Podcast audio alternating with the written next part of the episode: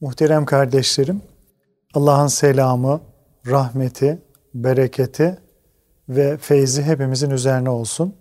Cumanızı tebrik ediyorum. Kalbimiz ve gönlümüz huzur ve saadetle dolsun inşallah.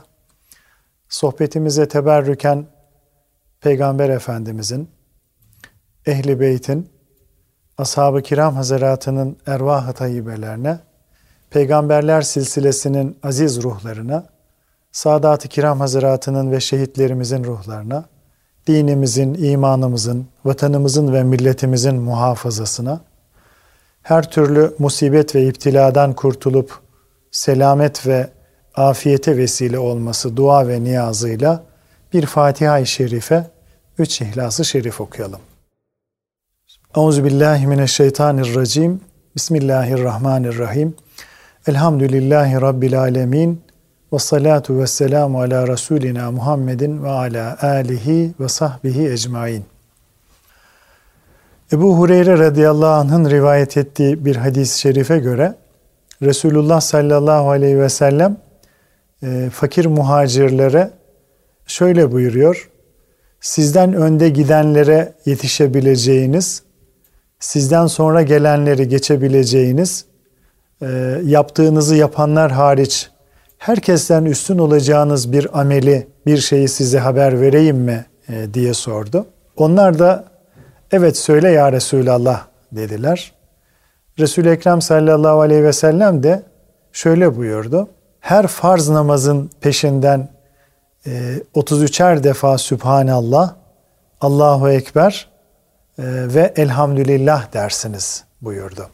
Bu hadis-i şerifin e, daha geniş bir rivayetinde ise muhterem kardeşlerim, e, gönüllerimizi büyüleyen e, asr-ı saadette hoş bir manzarayla karşılaşıyoruz. Şöyle ki, Mekke-i Mükerreme'den Medine-i Münevvere'ye hicret eden fakir Müslümanlar bir gün Resulullah sallallahu aleyhi ve sellemin huzuruna geldiler ve dediler ki varlıklı zengin Müslümanlar cennetin en yüksek derecelerini ve ebedi nimetleri alıp götürdüler. Hani bu zehebe ehli düthur diye başlayan hadis-i şerifi e, onu zikrettiler. E, bize pek bir şey kalmadı e, dediler. O zaman Resulullah sallallahu aleyhi ve sellem de e, hayrola onlar ne yaptılar ki diye sordu.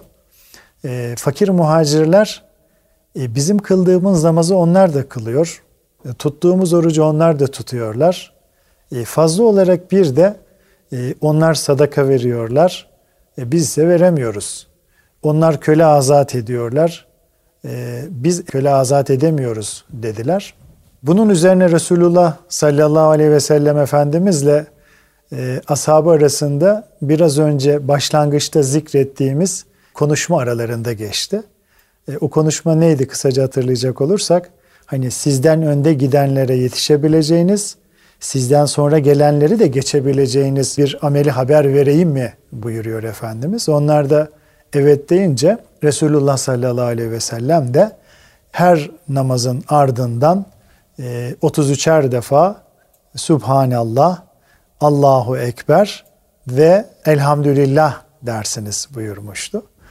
Ee, birkaç gün sonrasında işte bu sözler, bu konuşma geçtikten sonra birkaç gün sonra fakir muhacirler tekrar Resulullah Efendimizin e, yanına gelerek Ya Resulallah e, zengin kardeşlerimiz bizim yaptığımız bu tesbihleri duymuşlar. E, aynısını onlar da yapıyorlar dediler.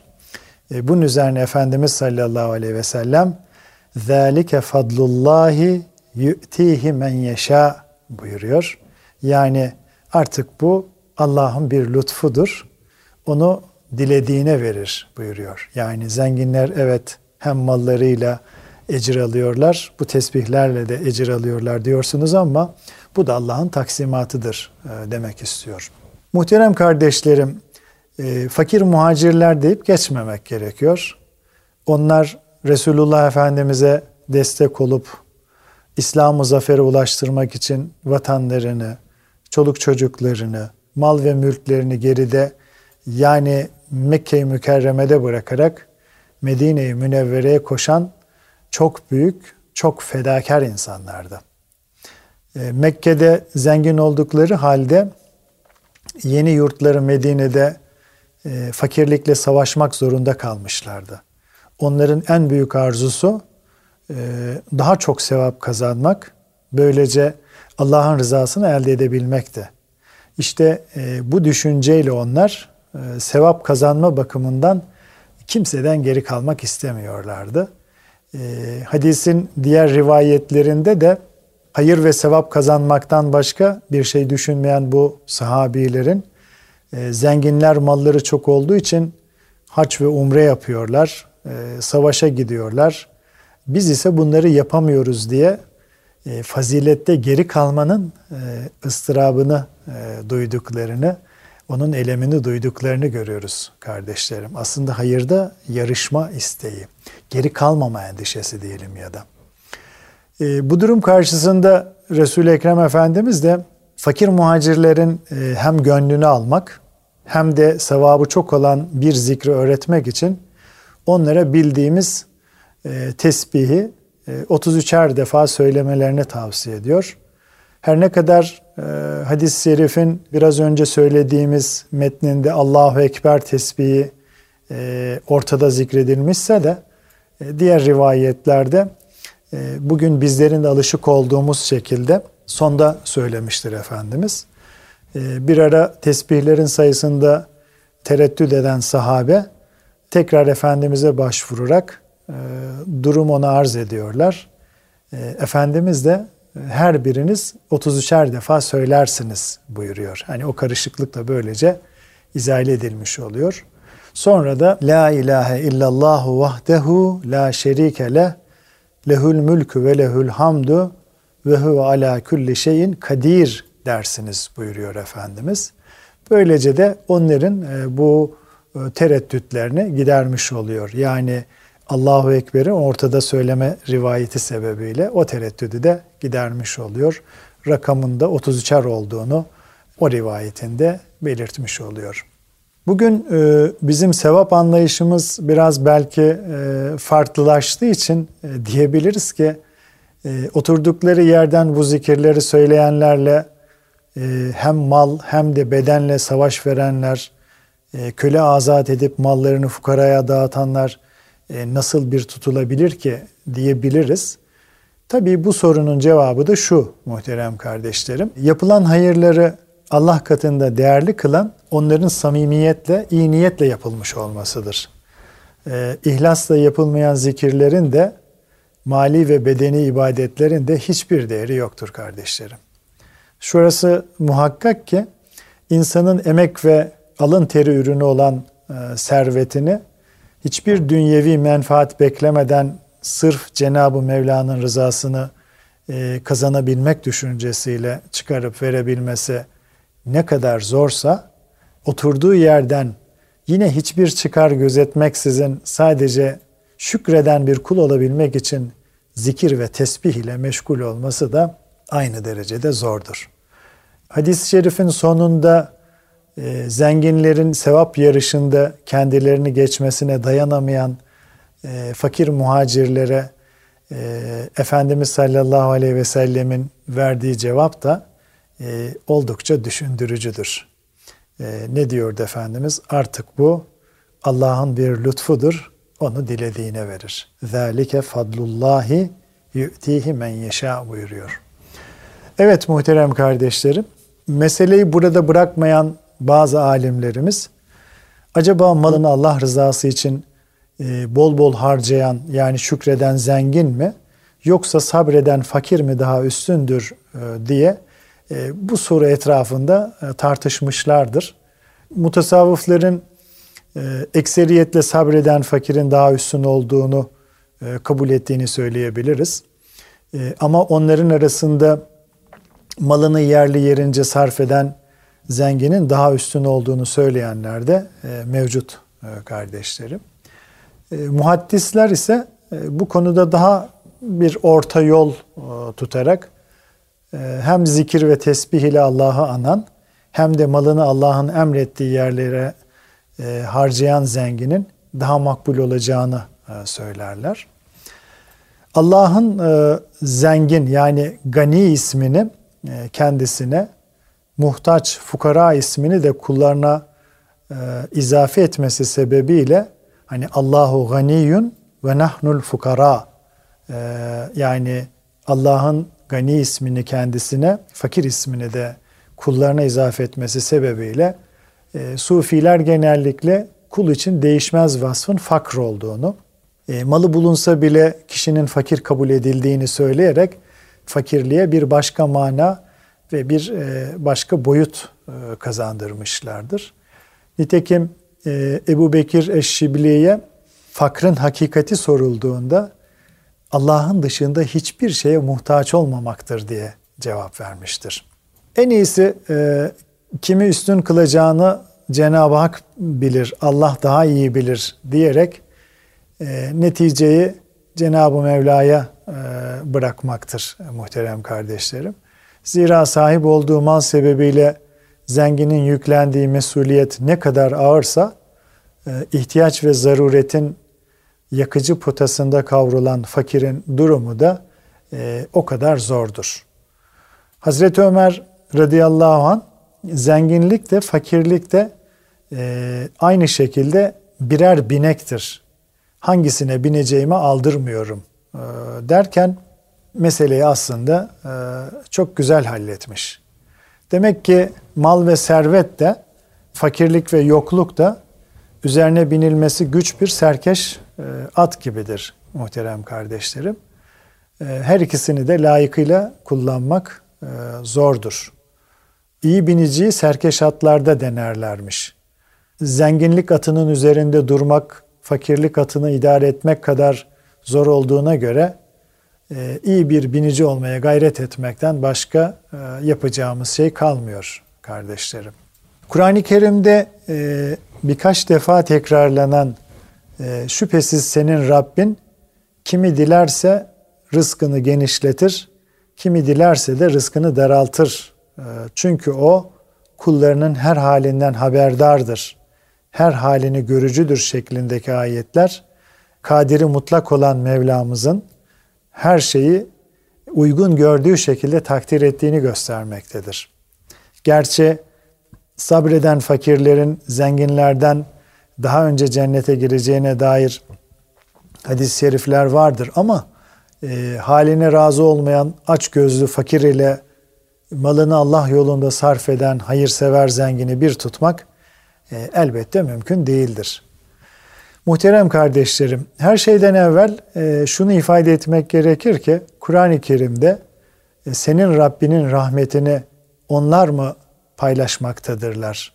Dünya hayatında onların maişetlerini biz paylaştırdık.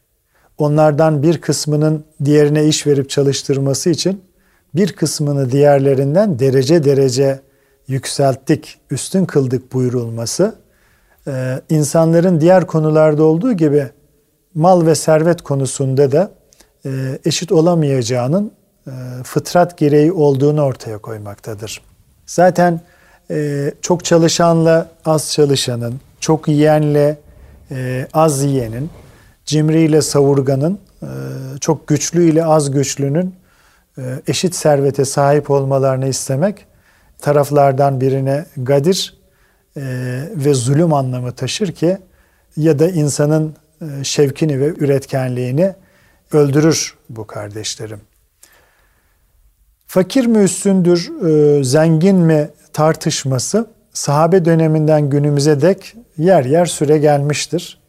Bazı sahabilerin ey Allah'ın Resulü zenginler bütün ecri alıp götürdüler, silip süpürdüler demeleri bunun başlangıcı kabul edilebilir.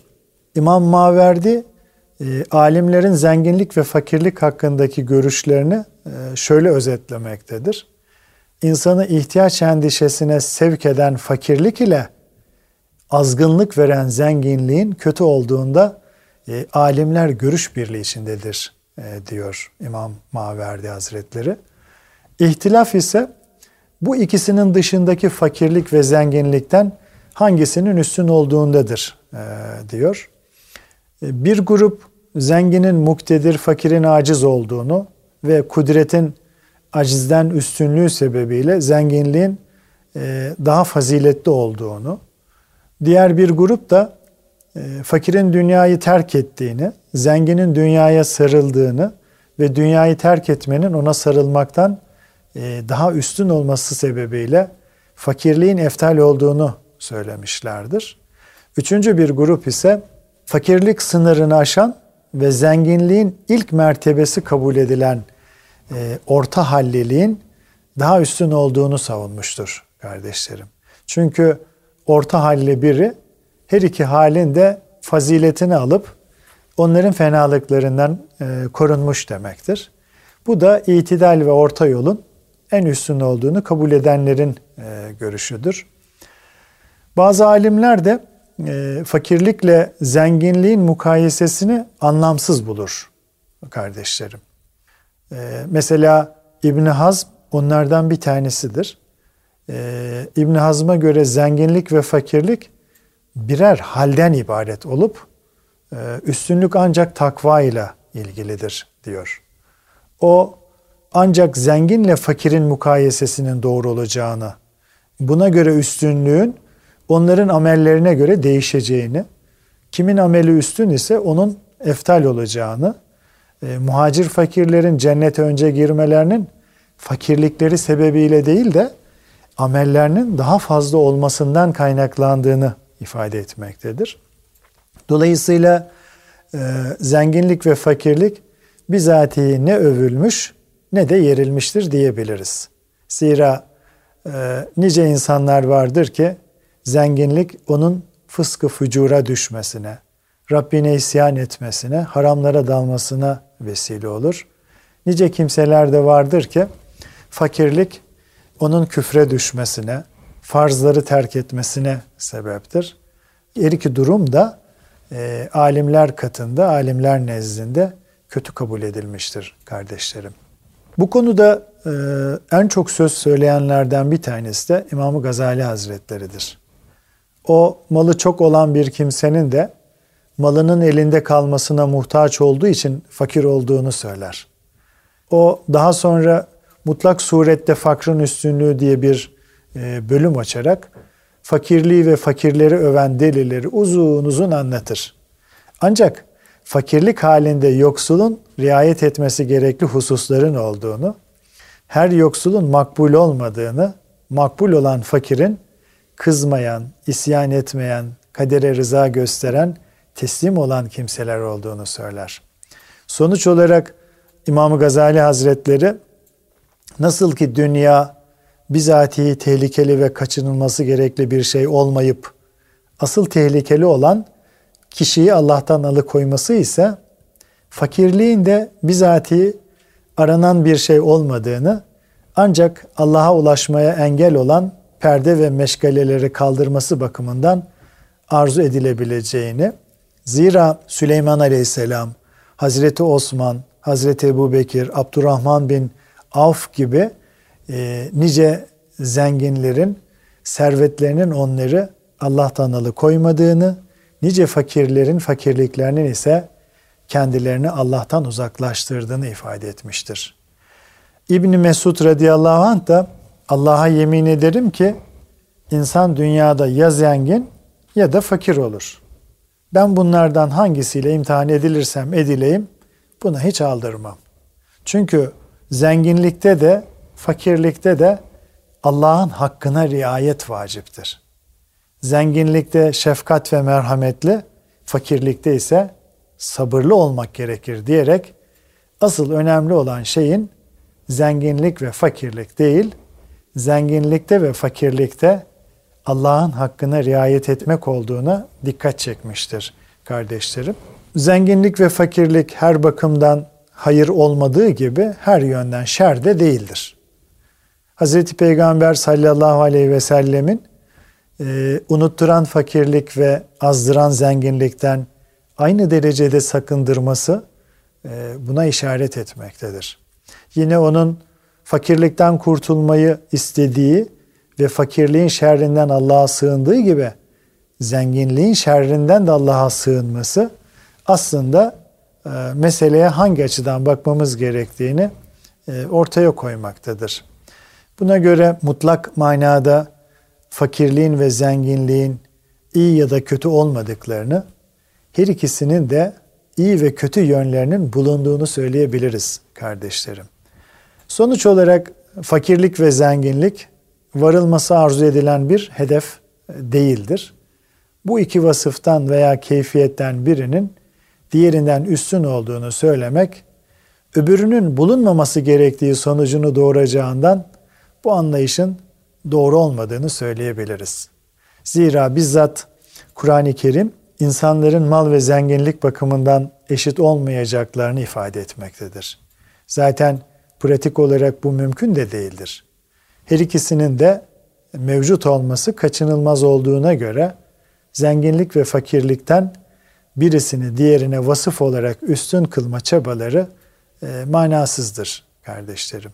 Zira üstünlüğün ne olduğunu tespit ve tayin edecek olan e, amellerdir, niyetlerdir. Yaptıklarınızdan başkasıyla mı karşılık göreceksiniz ayeti kerimesi de e, bunu göstermektedir. Eğer zengin amel yönünden fakirden daha üstün ise e, zengin üstün demektir. Durum bunun aksine ise e, fakir üstün demektir. Zira Kur'an-ı Kerim'de Cenab-ı Hak femen ya'mel miskale zerratin hayran yara ve men ya'mel miskale zerratin şerran yara buyuruyor. Kim zerre kadar hayır yapmışsa onu görecektir. Kim zerre kadar kötülük yapmışsa onu da görecektir buyurulmuştur. O halde vasıfta bir üstünlük yerine amelde ve vasfın gereğini yerine getirmede bir farklılık aramak daha doğrudur. Cenab-ı Hak bizlere hangi halde olursak olalım yani fakir ya da zengin hali onunla güzel bir kul olabilmeyi nasip etsin. Kalın sağlıcakla muhterem kardeşlerim.